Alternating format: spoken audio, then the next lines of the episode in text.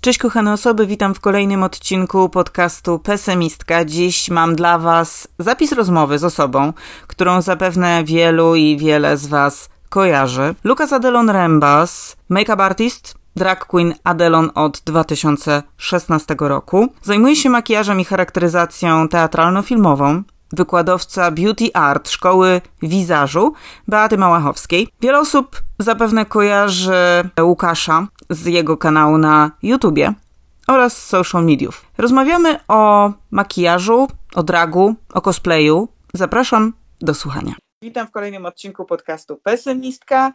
Dzisiaj jest ze mną Lukas Adelon, Musimy hello. tak. I w ogóle nagrywamy ten odcinek 16 lipca, czyli w Międzynarodowy Dzień Dragu. I w Dragu, tym dokładnie. chciałabym Ci życzyć wszystkiego dobrego z okazji Między Międzynarodowego Dnia Dragu. Dziękuję Tobie też wszystkiego najlepszego i w ogóle wszystkim, którzy nas będą słuchać. W sumie nasz temat dzisiaj taki rozmowy jest bliski tego dragu troszeczkę, ponieważ e, chciałabym troszeczkę Cię zapytać o cosplay. E, okay. W sumie ta myśl na nagranie podcastu nasunęła mi się pod wpływem e, komentarzy na TikToku, ponieważ e, okazało się, że tam jest całkiem sporo cosplayerów, którzy zaczęli mnie pytać o dużo różnych trudnych rzeczy. Okay i zdałam sobie sprawę, że ja w ogóle nie mam bladego pojęcia, co to jest właściwie ten cosplay, kiedy on się zaczyna, a, a jakby jaka jest jego definicja, kto jest cosplayerem, a kto nie jest, co to jest i, i z czym to się je. Moje pytanie do ciebie, co to właściwie jest ten cosplay? Jak go zdefiniować? Wiesz co, ja myślę, że tutaj mamy troszeczkę już taki nawet problem, tak samo jak my próbujemy zdefiniować drag, czy w ogóle jest sens prawda. stawiać jakieś właśnie takie konkretne granice. Nie wydaje mi się, ja powiem szczerze, mhm. że zostałem wrzucony w sumie w ten nurt niby kos, śmieję się, no niby cosplayerów, bo, bo ja na przykład do końca, czy, czy ja się czuję cosplayerem? Hmm. Bo, no, nie, z jednej strony może tak, e, Niektórzy mówią właśnie, nawet jak patrzą na moje wcielenia jako Magda Gessler, mówią, o fajny cosplay Magdy Gessler. Ja tak zawsze się zastanawiam, kurczę, cosplay Magdy Kessler? Mówię, no dobra, no w sumie coś w, tym, coś, coś w tym jest, no w sumie źle nie mówią, tak? Na pewno nie mówią tego w negatywnym sensie, więc dlaczego to by negatywnie też odbierać? Dlatego jeśli chodzi o sam cosplay, no to ja nie wiem, czy, czy mam dużo z, z tym wspólnego pod tym względem, że ja nigdy nie jeździłem na żadne eventy. Mhm. Mm, no, byłem tam kilka razy na komikonie, nawet zdarzało mi się być e, w kostiumie, ale ja takim może inaczej, jak patrzę na te inne osoby, które rzeczywiście się tym zajmują, ile poświęcają na to czasu, mhm. gdybym ja się nazwał przy nich cosplayerem, to chyba by trochę godziło w nich. Mhm, I tak mhm. ciężko mi się po prostu nazwać cosplayerem. Mogę się nazwać drag queen, ale cosplayerem to już bym uważał na to słowo. A gdzie są te granice i tak dalej? Też mi niestety ciężko powiedzieć. Ostatnio słownictwo, definicje w ogóle wszystkiego tak y, szybko ewoluują, że nawet się czasami boję cokolwiek powiedzieć. No, to prawda, ale powiem Ci, że to jest bardzo zabawne, ponieważ jak właśnie szukałam sobie czegoś o cosplayu, e, no to oczywiście wpisałam sobie to w Google i wyskoczyła mi definicja z Wikipedii i tam w pierwszym uh-huh. zdaniu napisane jest, że to jest artystyczne hobby, w ramach którego osoby nazwane cosplayerami tworzą przebrania i wcielają się w fikcyjną postać. Tak de facto, to równie dobrze mogłaby być definicja dragu. Dokładnie tak, więc to jest wszystko tak, myślę, pomieszane, tak się przeplata, że, że, że, że myślę, że można spokojnie sobie tę e, definicję też taką otwartą zostawić e, i tak samo jak przy właśnie byciu drag queen, jak, jeśli ktoś to czuje, niech to robi po prostu. Właśnie też mi się tak wydaje, bo tam się pojawiały na moim TikToku właśnie takie pytania, um, a czy jeżeli na przykład cosplayerka, która jest płci żeńskiej, robi postać męską, to czy ona jest drag kingiem? I no, moje odpowiedzi były raczej, że no, istotne jest to, jak się dana osoba określa, a nie to. Jak się czuje. Dokładnie, a nie to, jak my będziemy tutaj sobie próbowali to jakoś zdefiniować. No tak, ja myślę, że ludzie po prostu w ogóle, e, szczególnie w Polsce chyba mamy taką mentalność, że bardzo lubimy włazić do kogoś i kogoś określać, zanim, za, zamiast zająć się sobą. Mhm. Y, ja myślę, że też właśnie powinniśmy dać najpierw możliwość, żeby wypowiedziała się ta osoba, która konkretnie nam chce coś przedstawić. mhm. a nie żeby, żebyśmy my robili to za nią. I to e, w sumie na wszystkich mhm. płaszczyznach życia, nie tylko jeśli chodzi o cosplay czy o drag. Jeszcze tak e, podrążę trochę to e, twoje wcielanie się w postacie, Jasne. ponieważ bardzo mnie fascynuje właśnie wcielanie się przez ciebie w postacie z Harry'ego Pottera. Okej. Okay. I właśnie jedna z takich ostatnich rzeczy, którą widziałam, to były te postacie założycieli domów. E, tak, mhm. tak, czyli Godryka Gryffindora, e, Helgi Hufflepuff, Salazara Slytherina i e, Roweny Ravenclaw. No, przepiękne są te rzeczy. A bardzo dziękuję. I w ogóle tak, tak jeszcze tutaj, że tak powiem, nadmienię, bo z tego co wiem, to stroje przygotowywała drag queen Lucy Dark. Dokładnie tak, moja siostrzenica dragowa, bez której ten projekt by się w ogóle nie odbył. No i w sumie muszę też jeszcze powiedzieć o swojej matce scenicznej, bo też bez, bez niej ten projekt się by nie odbył, gdyby po prostu nie kupiła e, na moje polecenie wszystkich tych e, gadżetów w Londynie i gdyby mi ich tutaj o. po prostu do Polski nie przysłała. O! O. Tak, to była ciekawa bardzo historia, jak to wszystko wyglądało, naprawdę. A powiedz mi, e, którą z tych postaci właśnie z Harry'ego Pottera wspominasz najlepiej? O kurczę, ale z tych czterech czy w ogóle? W ogóle, w ogóle. W ogóle, wiesz to ciężko mi jest odpowiedzieć na, na to pytanie. Dlaczego? Bo raz, że jestem no, fanem Harry'ego Pottera, bo inaczej też bym raczej się mhm. E, za to w ogóle nie brał. A dwa, taka, każda z tych postaci ma swoją historię w ogóle tworzenia Mhm. E, I tak jak na przykład się ludziom zdaje, że o, wcieliłeś się w Ambridge, ona, wszyscy, wszyscy, wszyscy jej nie lubili i tak dalej. No Ale i okay, fantastyczne. Jako, postać, no, jako taki... postać rzeczywiście nikt może jej nie lubił za to, jaki ona miała charakter i tak dalej. Ale dla mnie było to też przeżycie, ponieważ wtedy chyba w ogóle właśnie Lucy robiła jeden z pierwszych kostiumów dla mnie, e, bo też do Ambridge robiła właśnie Lucy. I my wtedy w ogóle to nagrywaliśmy w teatrze dramatycznym na klatce schodowej. Dostaliśmy pozwolenie, żeby to tam nagrać. Więc to było takie pod względem organizacyjnym, e, żeby to ładnie ująć w kadrze, to było coś fajnego. Dlatego z każdego projektu w sumie jestem zadowolony, tylko coś innego mi się w tych projektach podobało na przykład. Mm -hmm, Więc mm -hmm. ciężko mi określić taki jeden, który jest. No, założyciele Hogwartu już nie wiem, chyba z półtora roku o tym myślałem, mm, żeby to zrobić, e, bo kiedyś, kiedyś, gdy byłem pierwszy raz w Londynie, to przywiozłem ze sobą e, medalion Salazara Slytherina. Mhm. Później mówię, no dobra, brakuje mi jeszcze trzech, e, trzech rekwizytów. będzie pretekst, żeby sobie gablotkę zapełnić ze swoimi szpargałami. Mm, I tak wyszło właśnie. Mówię, dobrze, no to to jest ten moment, kiedy jest trochę czasu, mogę, nie wiem, usiąść, przygotować te charakteryzacje, mogę pojechać z Lucy właśnie po materiały na kostiumy, mogę to po prostu przygotować. Mm, także każdy z tych projektów yy, jest dla mnie ważny w sumie i bardzo dobrze go wspominam. A powiedz mi, bo tak y, właśnie wspomniałeś o przygotowaniu też do takiego projektu. Jak takie przygotowanie wygląda? Od czego zaczynasz? Na przykład myślisz sobie, że teraz będzie to, nie wiem, e, Godric Gryffindor i, i, i od, od, co jest na początku? Co jest punkt jeden w takim projekcie? No przy założycielach to na pewno było na początku zgromadzenie wszystkich rekwizytów. E, mhm. to, to, wtedy wyglądało to w ten sposób. Jeśli chodzi na przykład o Bellatrix Lestrange, w którą też się wcieliłem, to akurat kilka lat wcześniej robiłem tę postać na swojej przyjaciółce, i mówię, kurczę, no w sumie dlaczego ja nie mogę też się wcielić, tak? Mhm. Więc wszystko tak naprawdę miałem do tej postaci, kupiłem tylko perukę, wystylizowałem, robimy. Zawsze przygotowuję się technicznie pod tym względem, że na przykład e, włączam sobie dane sceny, gdzie, gdzie dana postać e, się ukazała, rozpisuję sobie na kartce, co już mam ze swoich zasobów, a co muszę na przykład właśnie dokupić, co muszę zrobić.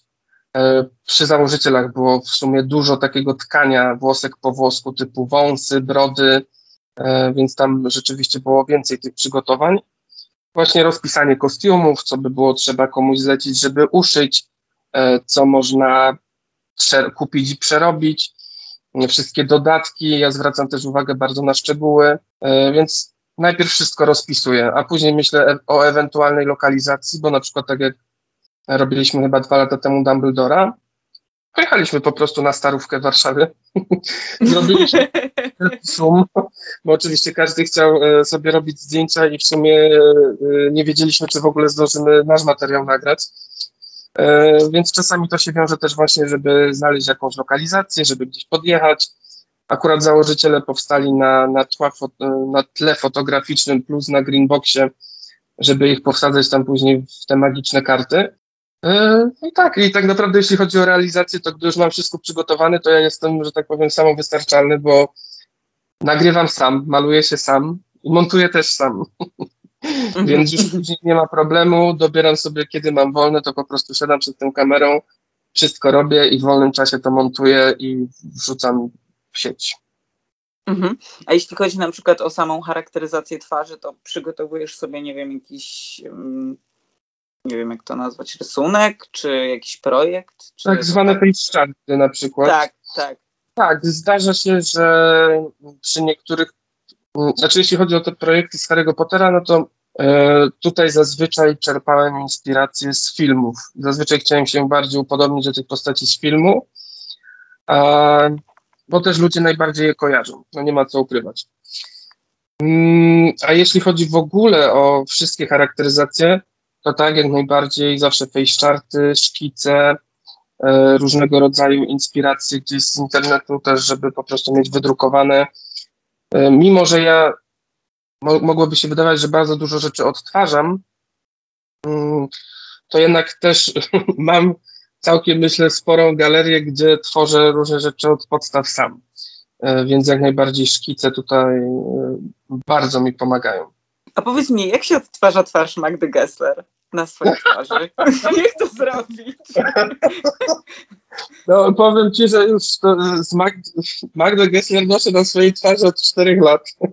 I co jakiś, czas, co jakiś czas ta twarz się trochę zmienia ale bardziej chyba niż twarz, to, yy, twarz charakteryzacja Magdy Gessler, to chyba się częściej zmieniają włosy, ponieważ włosy od początku to był moment, który po prostu coś, co mnie zawsze irytowało. Ja mówię, nie, to nadal jest nie to.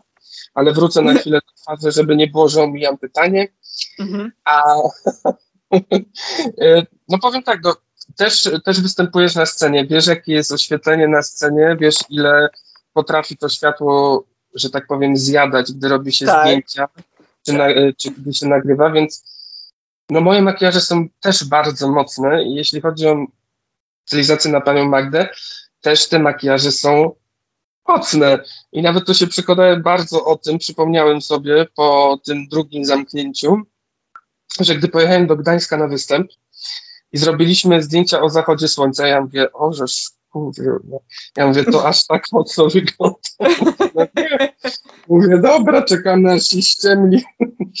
Także mm, ja nie używam, raz użyłem lateksu, żeby zrobić sobie zmarszczki, ale to na scenę to się w ogóle nie, nie nadaje, ponieważ ludzie tego nie widzą z odległości, na zdjęciach tego nie widać, to widać wtedy, kiedy ktoś rozmawia z, z tobą twarzą w twarz.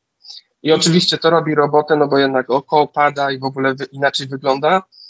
Ja robię typowy makijaż sceniczno-teatralny, czyli po prostu wszystkie zmarszczki domalowuję, y, mocno konturuję twarz.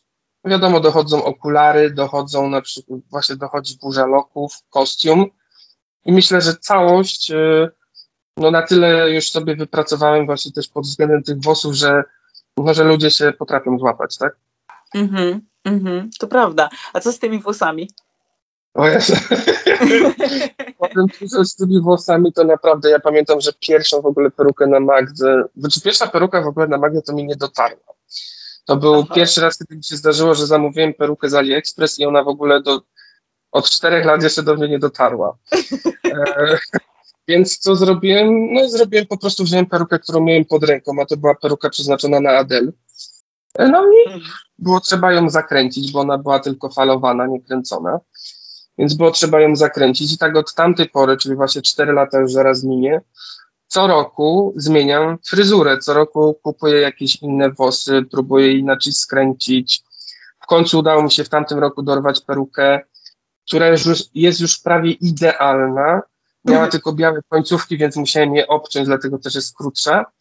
No i w tym roku przed wyjazdem właśnie do Gdańska mówię, nie no, ja muszę mieć więcej tych włosów. I dokupiłem jeszcze po prostu doczepy kręcone, zagęściłem ją i teraz już jest, no powiedzmy tak, 95% mojego zadowolenia.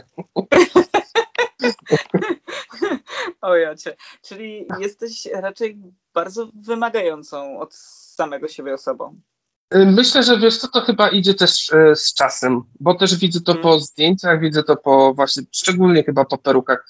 Po makijażu też jak najbardziej, bo też coraz lepiej znam swoją twarz, wiem czego unikać, nad czym nie spędzać tyle czasu, nad czym poświęcić go więcej. I z włosami jest to samo. Czy są jakieś takie właśnie twoje wymarzone postaci, które byś chciał zrobić? Nie wiem, czy z Harry'ego Pottera, czy, czy, czy nie wiem, czy zupełnie jakieś wymyślone z głowy? Znaczy, no wiesz, o, powiem ci bardzo prosto, oczywiście, że są takie postaci. ja mam coś takiego, że dopóki czegoś nie zrobię, to ja o tym nie mówię.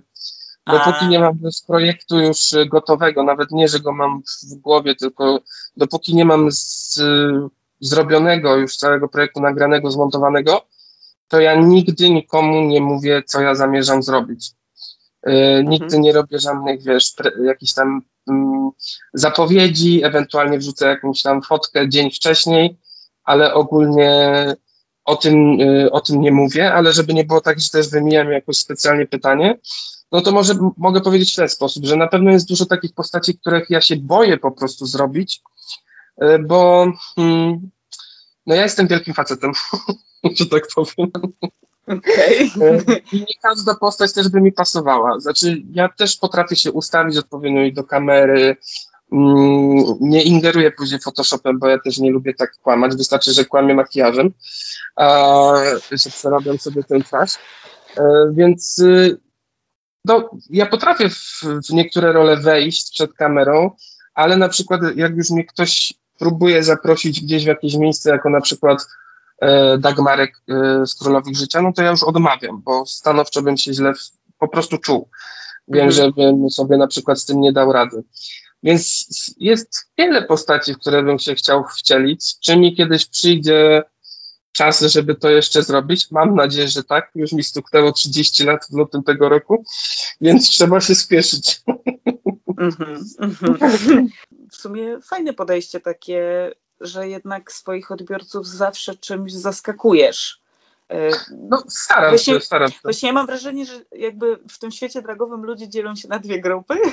Właśnie okay. którzy po cichu tak sobie pracują i potem nagle jest takie boom i te osoby, które po prostu wrzucają dużo jakby tego kontentu i pokazują cały czas ten proces, coś się dzieje, że jakby są takie dwie drogi, mam wrażenie, podejścia do social mediów tak na dobrą sprawę mm -hmm. i mhm. właśnie do tego, do tego, co się tworzy w tych social mediach.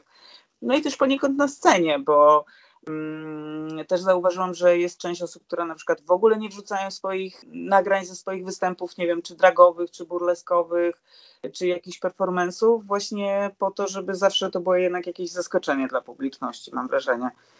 I to jest fajne. Teraz tak wracając jeszcze do, do, do pytań. Od ilu lat robisz drag? No, teraz y, już we wrześniu, wrzesień, październik minie 5 lat. O, Super. Tak, to... bardzo szybko minęło to 5 lat. A jak to się w ogóle stało, że, że, że zająłeś się dragiem? O, Janusz, wiesz co, no tak, e, ta, ta, ta, historia dla mnie już jest tak oklepana, że ja zaraz się zacznę zastanawiać, czy ona jest prawdziwa w ogóle. A, e, wszystko wyszło trochę przez przypadek, bo co roku chodziliśmy ze znajomymi na noc muzeów, po prostu narzucając sobie jakiś temat przewodni, przebieraliśmy się. Akurat pięć lat temu zostaliśmy trochę na lodzie ze swoją przyjaciółką yy, i stwierdziliśmy, że kurczę, no dobra, idziemy we dwójkę, nie ma co. I wtedy mieliśmy właśnie temat muzycy zespoły. Ja tak mówię, hmm, we w sumie, dlaczego nie wyjść, nie wyjść jako kobieta na, na ulicę, tak? No i wyszło właśnie, tak stanęło na Adel. Wtedy jakoś jeszcze ten obraz Adele w tamtych czasach mi bardziej, mm, że tak powiem, leżał. Mm-hmm. Bardzo mi się podoba, podobała po prostu ta klasa, te duże włosy i tak dalej. Ja wtedy miałem też w ogóle swoje długie blond włosy, nie siedziałem jeszcze w perukach w ogóle, więc miałem tylko doczep, y, żeby zagęścić swoje i cały przód miałem w ogóle swoich włosów. I wtedy jakoś tak y, ludzie na, na ulicy w ogóle mnie zaczepiali też właśnie prosząc o zdjęcie, czy pytali się w ogóle, czy jestem queen. Ja mówię, no gdzie ja drag queen? Po prostu jesteśmy na wyjściu.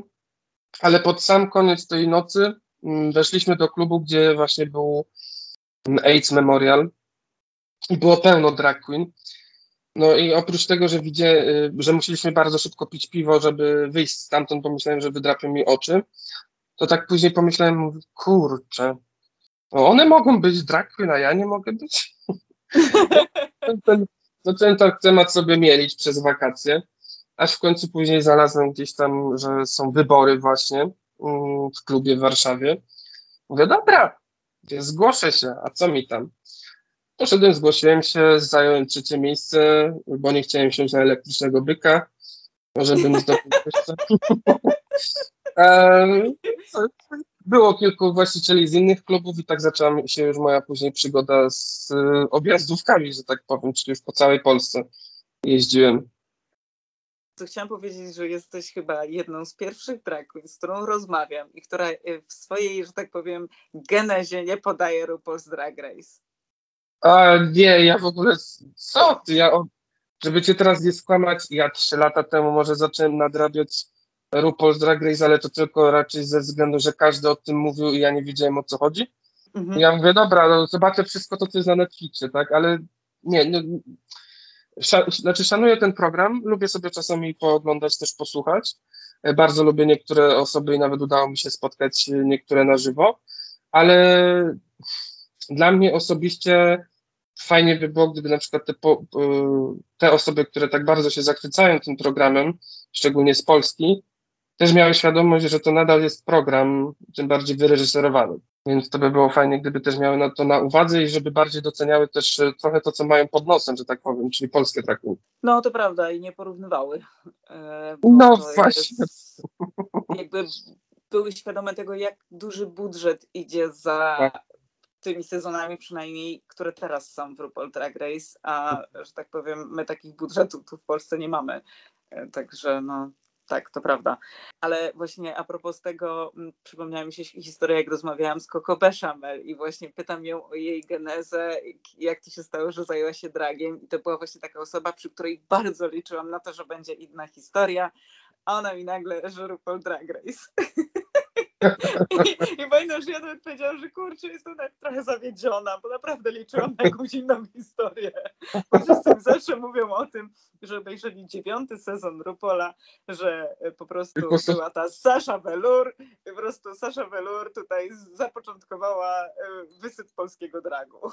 Nie, to widzisz, u mnie było zupełnie inaczej, chociaż już ostatnio, nawet nie wiem czy nie dzisiaj, usłyszałem, że ja już się zaliczam w sumie nie na tych najmłodszych, tylko już trochę tych starszych braku. Ja mówię, bo mówię, słucham, co? No cóż, no, można na to popatrzeć jako na komplement, no. no powiedzmy. Dobra, a powiedz mi, co lubisz najbardziej w dragu? Co lubię najbardziej w dragu? Ja myślę, że to tutaj nie będę jakoś bardzo oryginalny no chyba najbardziej metamorfozy są, ten, e, ten proces. Mnie często, e, to tak jak przy filmach mam, e, gdy jakieś realizuję, bo ja kiedyś realizowałem też etudy filmowe i tak dalej, często nie kręci mnie efekt końcowy nawet, tylko to, co się dzieje w trakcie. I w dragu też tak trochę jest, że dla mnie ten proces tej metamorfozy to ma być taki mój czas. Nie lubię się spieszyć. Zawsze sobie wyliczam tak nawet jak gdzieś wyjeżdżam na show, zawsze wyliczam sobie tak czas, żeby to było na spokojnie, żeby się nie stresować, żebym, żebym miał po prostu z tego przyjemność. Mm, I zresztą jak jestem tutaj w Warszawie, to, to jest to samo, że mam po prostu swoje stanowisko z dużym lustrem, z całą szafką kosmetyków. Mm, no teraz jak jest gorąco, no to najlepiej jakiegoś drinka chłodnego i tak dalej. W innych e, porach roku jakaś kawka i w ten sposób to się odbywa, więc Mogę powiedzieć, czego najbardziej nie lubię. A czego nie lubisz? No dobra, dawaj. Nienawidzę rajstop. Aha. Po prostu, no nie, po prostu rajstopy to są, to są rzeczy, no, nie, po prostu. Na początku w ogóle miałem taki okres, taki, tak, mój początek wyglądał w ten sposób, że goliłem nogi na zero i malowałem je po prostu z takimi sprayami, właśnie rajstopami w sprayu. O matko. Ale później już e, było tego tak dużo, ja mówię, no nie, no nie, ja nie, nie, nie, jeszcze dodatkowe pół godziny, żeby sobie nogi pomalować. No i w końcu musiałem się przekonać do tego rajstopu. Ale nadal jest to coś, czego po prostu nie lubię i zawsze mnie zastanawia, nie rozumiem tego fenomenu. E, na przykład, gdy ktoś robi wywiad i produkcja tak bardzo ciągnie do tego, żeby pokazać, że facet zakłada rajstopy. Po prostu nie rozumiem tego. Ale jest coś takiego, bo jest taka ciekawość w ogóle w tym, żeby właśnie tak podejrzeć, e, jak to wygląda, co tam jest pod spodem w ogóle. No, no nie wiem, jakoś to jest totalnie dla mnie takie, No. nie wiem, no, no nie, ja się nigdy na to nie godziłem. Mhm. E, Ja nie mam problemu, jak na przykład ktoś mnie nagrywa podczas e, malowania się, no bo zresztą w sumie dlaczego mam mieć z tym Mhm. problem, skoro też pokazuję tutoriale, ale na przykład właśnie samo przebieranie się, czy właśnie to zakładanie takich rajstów, nie, nie, nie. Ogóle. Tak samo jak w ogóle jak już jesteśmy przy bieliźnie, to tanik musi być, bo trzeba włożyć wkładki i tak dalej czasami, chociaż też zauważyłem, że mój drag ewoluował, bo często jest tak, że po prostu nie zakładam też, y, nawet nie wkładam wkładek i tak dalej. Tak samo ja przez 5 lat nie założyłem damskiej bielizny, jeśli chodzi o dół ubioru, Mhm. tak? Zawsze to są męskie bokserki, koniec. Mogą być podciągnięte pod szyję, to mają być męskie bokserki, bo inaczej bym się źle czuł i tyle. No, no. A powiedz mi, ile czasu się szykujesz? To zależy na przykład, kogo. tak na przykład na, no, na, na przykład na Adele. No na Adele to mamy obcykany ten makijaż, więc tak naprawdę go, godzinka mi wystarcza na sam makijaż, później oczywiście przyklejenie włosów, przebranie się, więc na spokojnie te dwie godziny muszę mieć. A na przykład ile ci zajmowały te postacie z Harry'ego Pottera? Naj, naj, najdłużej chyba mi zajął Salazar, z tego względu, że musiałem przykleić sobie sam łysinę. No właśnie, bo to właśnie ta, ta postać, o tej postaci myślałam. Tak, no niestety Salazar był o tyle problematyczny, że ciężko jest samemu sobie założyć dobrze łysinę. E, tak, ten czepek, ponieważ to tak naprawdę powinny robić dwie osoby. Mhm. Ja mam tam swoje jakieś e, sposoby, które, które też nawet pokazywałem w szkole, w której uczę na charakteryzacji i, i tutaj też nawet nie pamiętam, czy pokazałem to w tutorialu, E, nie, nie przygotowałem się, przepraszam, ale ja pamiętam, że zerwałem jeden czepek, bo mi się nie podobał i, i zakładałem drugi. E, Tak, by, była taka sytuacja, że po prostu mi się coś tam nie podobało, zerwałem i zakładałem drugi raz.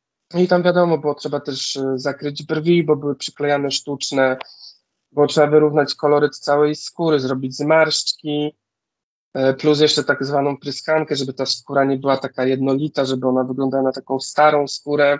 Przebarwienia w sensie. Tak, przebarwienia i w ogóle, żeby to, ten czepek nie wyglądał też jak taki po prostu czepek założony. No to, to, to rzeczywiście Salazar chyba zajął mi najwięcej, najwięcej czasu i, i później jeszcze dużo czasu mi zajęło też to, bo sam sobie ustawiałem światło, Mhm. kamerę. Jest to czasami taka Zosia Samosia właśnie. Więc jeszcze później ze sprzętem trochę poużerałem, ale nagrałem. tak jak widzisz. Ale to tak teraz jeszcze zapytam, bo e, wspomniałeś o tym, że uczysz w szkole. E, Tak. Mógłbyś powiedzieć coś więcej w sensie? E, tak, ta od kilku, lat, od kilku lat jestem e, wykładowcą w Beauty Art. E, ta szkoła, w sumie są cztery takie w Polsce, w sensie no, jed, cztery placówki jednej szkoły, może tak. Czyli Mhm. mamy Warszawa, Trójmiasto, Kraków i, e, i co ja pominąłem? I Poznań, pominąłem, przepraszam. E, tak. I właśnie tutaj w Warszawie, e, przez to, że tutaj mieszkam, to tutaj się pojawiam. Miałem wcześniej swoją grupę, też uczę w grupach, które mają wizaż, ale mają podstawy charakteryzacji na przykład. No co, co, co tutaj mogę powiedzieć? No, e, mi się podoba rola ogólnie wykładowcy. Myślę, że mam dobry kontakt z, ze studentami. Zresztą jeszcze zanim byłem, że tak powiem, wykładowcą, to też byłem szkoleniowcem w różnych innych miejscach. No a wcześniej jeszcze jeździłem przez 7 lat z dzieciakami na kolonie, więc już w ogóle. O! Tak, Czyli, także. czyli, czyli takie zacięcie do edukacji. Znaczy, to. Hmm, jakby to powiedzieć? Pewnie w, w takiej, nie wiem, w szkole podstawowej w- czy Mhm. Nie w no, liceum, to bym się nie sprawdził. To bym chyba się nie sprawdził. okej.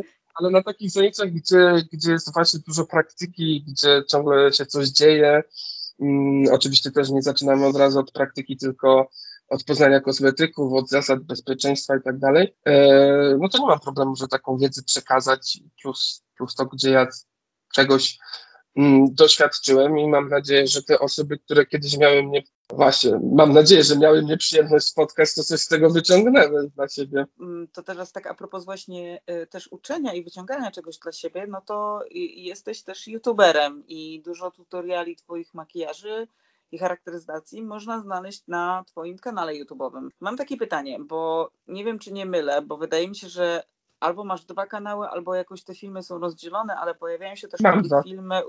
Masz dwa, dobrze mówię. Mhm. Bo pojawiają się też takie filmy właśnie, które są pewnego rodzaju komentarzem politycznym, społecznym, w których wcielasz się na przykład w Kaję Godek. Czy tam się Yy. wtedy, przy, czy, czy, czy, czy przydarzyło ci się w tych sytuacjach zderzyć z hejtem? E, tak, oczywiście. Znaczy, powiem tak, e, rzeczywiście mam dwa kanały. Jeden z nich jest trochę zaniedbany, ponieważ no, brak czasu i w ogóle projekty, które teraz są i tak dalej, e, praca po prostu też e, ogranicza mnie bardzo, Mm, a ja nie lubię robić czegoś na pół gwizdka.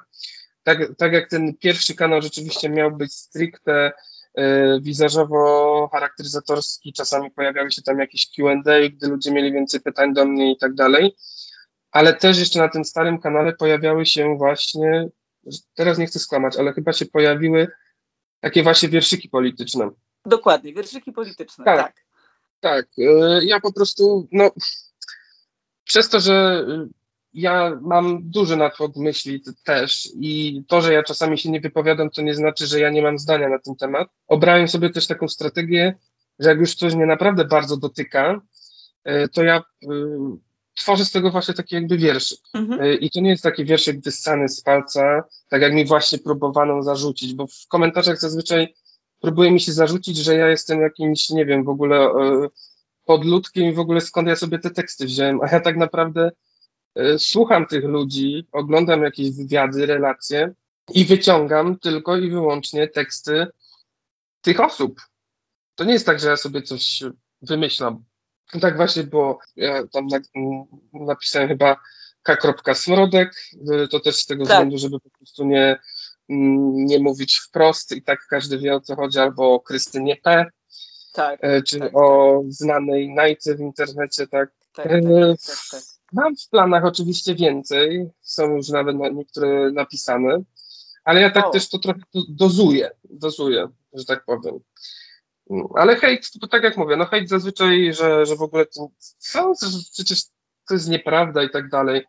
Ja po prostu chyba muszę zacząć y, dodatkowo jeszcze w opisach wstawiać wszystkie linki, skąd ja w ogóle te teksty czerpię. tak. Chociaż niektóre są Tak tak, jak- tak kultowe, że naprawdę. Tak jak w książce, po prostu materiały źródłowe. Tak, bibliografię po prostu, tak jak w pracy licencjackiej czy w magisterskiej. No, dla mnie też było zaskakujące, jeśli chodzi o hejt, to co jakby hejt, który pojawił się pod wideo, który, które wrzucałam też na, w głównej mierze na TikToku się ten hejt pojawił. To wideo moje ze starą, której rozmawia z nami dziennikarz Super Expressu Tak, i po prostu komentarze ludzi, którzy po prostu piszą, że skoro wy się tak za- zachowujecie, to wy nie zasługujecie na to, żebyśmy my was szanowali. To, to dla mnie było takie Znaczy wiesz co, ja... Mm, mm, to mi Koko właśnie powiedziała, e, bardzo mądrą rzecz, e, Mhm. że postaw, postaw taką samą osobę, która, mm, która tak ci pisze, postaw przed telewizorem, gdy leci kabaret i facet jest rzeczywiście przebrany za babę. Dokładnie, dokładnie. To jest to samo. Dokładnie. Kiedy jest po prostu postać, nie wiem jak ona się nazywa, Mariolki chyba. No na przykład. kabaretów. Pierwsza lepsza z brzegu. Ja też kiedyś miałem większe rozmyślanie na ten temat, Mhm. E, Dlatego fajnie jest właśnie posłuchać e, też właśnie mądrych osób wokół siebie. Mm, Ja z Koko mam kontakt e, praktycznie co, codziennie, co drugi dzień. Może na odległość to bardzo dużo się kontaktujemy.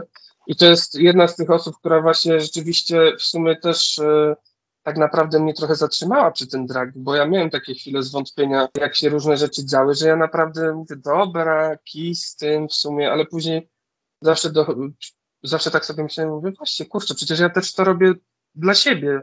Dlaczego ktoś mi ma to jakoś tam zabierać, tak? Mm, więc tak, ważne jest, żeby otaczać się ludźmi, którzy mają właśnie coś mądrego do powiedzenia i którzy, którzy cię wypychają do góry, a nie ciągną w dół. Mhm. Tak, bo to są takie właśnie te komentarze, takie właśnie tego typu, to są dla mnie takie, ktoś przyszedł i stwierdził, skoro mogę się wypowiedzieć, to ja się wypowiem. Chociaż w tego wiesz, to ja nie wiem, czy to nawet... Niczego, ja nawet nie wiem, czy tak to jest naprawdę. kwestia właśnie wypowiedzi, bo osoba, która ma chęć się wypowiedzieć i która nawet czegoś nie rozumie, tak przynajmniej ja sądzę, to się pyta.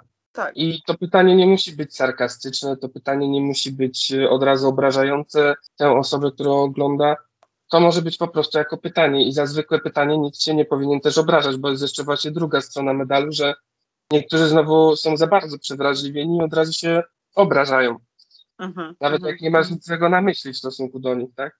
Mhm, to, mhm. to są no, Widać, jak przez ostatnie półtora roku też dużo złych rzeczy powyłaziło po prostu z ludzi i nie, jak dla mnie niektórzy mają po prostu za dużo czasu wolnego, no sorry. A powiedz mi, bo tak właśnie y, wspomniałeś o tym właśnie zatrzymaniu się przy dragu, y, kontynuowaniu tego, a co daje ci drag? Na, na pewno nie, miałem ładne zdanie w głowie i wypadło.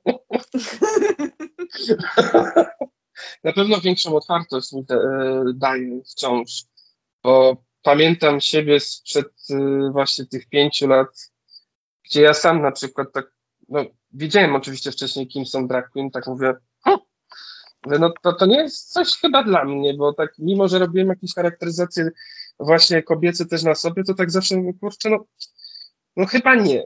I tak zawsze dla mnie to nie wiadomo skąd, ale miało to taki wydźwięk bardziej negatywny. Ja sam do tej pory nie wiem, skąd ten wydźwięk negatywny się wziął. Czy przez to, jak to było pokazywane w internecie? Nie wiem, naprawdę nie wiem. Dlatego na pewno daje mi większą otwartość, większą pewność siebie, no bo, bo to też się już zdarzało nieraz, że ktoś mi zarzucał, że o Janusz, jaki ten Odelon jest w ogóle zły i w ogóle ma e, nos e, wysoko i tak dalej. No nie do końca, bo te osoby, które mnie znają też prywatnie, to wiedzą, że mimo wszystko, gdy się wcielam postać, to jednak też się troszeczkę inaczej zachowuje, też sobie wiadomo mogę pozwolić na mimo wszystko trochę więcej. No niektórzy odbierają to jako chamskie czy coś, no, no trudno. Y, ja, ja, ja nie mam tego w, zamiarze, ale mimo wszystko tak, no ja się czuję wtedy pewniej. Na pewno Adelon jest bardziej wygadana niż Łukasz, tak mi się wydaje. Chociaż w ostatnich latach to się tak wszystko już poplątało, że wszędzie nawet się przedstawiam Lukas Adelon. Czasami się zapominam, mówię tylko Adelon. Ludzie no. też do mnie mówią Lukas Adelon, więc... No ja ci w sumie też tak przedstawiłam. No, i to dla mnie to jest naprawdę bardzo okej. Okay. To teraz jeszcze takie y, cztery szybkie pytania na koniec. Laktoza czy gluten? Laktoza. Dobra. To teraz będzie pewnie trudne pytanie a propos Harry'ego y, Pottera. E, Ron o matko. Ron Wesley czy Hermiona Granger? Ale pod jakim względem? No, ulubionym. Nie, to, to bliżej do Hermiony, no. O, a tak wakacyjnie y, nad morze czy w górę? Nad morze. O, czyli na piaseczku pla na plaży. No właśnie nie do końca, ale ogólnie może. Okej. Okay. Bardziej statek, wiesz, coś tam. No dobra, to jeszcze teraz takie podchwytliwe Lady Gaga czy Ariana Grande? E, Lady Gaga, to nie było wcale podchwytliwe. O! No dobra, to jeszcze tak na sam koniec. E, powiedz mhm. mi, gdzie będziecie można ewentualnie teraz spotkać, zobaczyć na jakichś występach, marszach, show? E, no powiem tak, przez to, że teraz siedzę w bardzo dużym projekcie, można nawet rzec międzynarodowym, jestem trochę uziemiony w Warszawie. Mhm. Więc nie, nie wybieram się nigdzie przez najbliższe dwa miesiące tak naprawdę, e, bo mam tutaj już swoje zobowiązania, więc e, na marszach niestety nigdzie się już nie pojawię, chociaż e, ten warszawski mi tak dał też w kość, zresztą chyba jak nam wszystkim przez mhm. pracę, że mhm. każdy, każdy to będzie wspominał długo, ale było i tak super. I tak samo jeśli chodzi o występy. No niestety ja przez te dwa najbliższe miesiące się e, nie wychylam poza Warszawę właśnie przez ten duży projekt. Tak naprawdę, jeśli ktoś jest z Warszawy, no to mnie może bardzo często spotkać w Gamie, bo tam też pracuję mhm. na żurawie. I, I, czasami też tam występuję, ale tak to konkretnych terminów właśnie na razie e, no nie podaję. Trochę się już najeździłem po tym zamknięciu, więc teraz już koniec ręba z sieć i po prostu pracuj, tak? Za to później będzie można mnie oglądać w wielu miejscach. O. Tak. Zain zaintrygowałeś mnie. No dobrze, to myślisz, że myślę, że powodzenia z tym dużym projektem. E, no, nie, nie dziękuję. Ni- Niestety więcej nic nie mogę powiedzieć, ale myślę, że będzie głośno. Super, bardzo się cieszę, bardzo się cieszę w ogóle y, z tego, że to powstaje, nikt nie wie o czym mówimy, ale no. No właśnie, bo ty w sumie już wiesz o czym mówię. Tak, ja wiem. Tak, No niech ja będzie taka wiem. tajemnica. Ja czasami tak lubię po- wprowadzać trochę takiego, wiesz. Tak. Najważniejsze, że się dzieje. Że już można mówić przynajmniej, że się dzieje. Tak, coś się dzieje, coś będzie, coś będzie miało swój Tak. finał w którymś momencie i będzie o tym głośno. Dokładnie tak. Dobra, to bardzo Ci dziękuję za rozmowę w takim razie Ja dziękuję za zaproszenie. i myślę, że życzę teraz już miłego wieczoru. No, ja właśnie się zbieram do klubu zaraz. O, Na noc. Na zakończenie chciałam przypomnieć, że można mnie wspierać na platformie Patronite. Można wspierać moją działalność podcastową, można w ten sposób też wspierać moją działalność dragową Lolia Joniu Potocki. Na Patronite jestem jako podcast Pesymistka. Zapraszam do sprawdzenia i do wspierania mnie. Buziaczki, kochane osoby, trzymajcie się ciepło i do usłyszenia w kolejnym odcinku podcastu Pesymistka.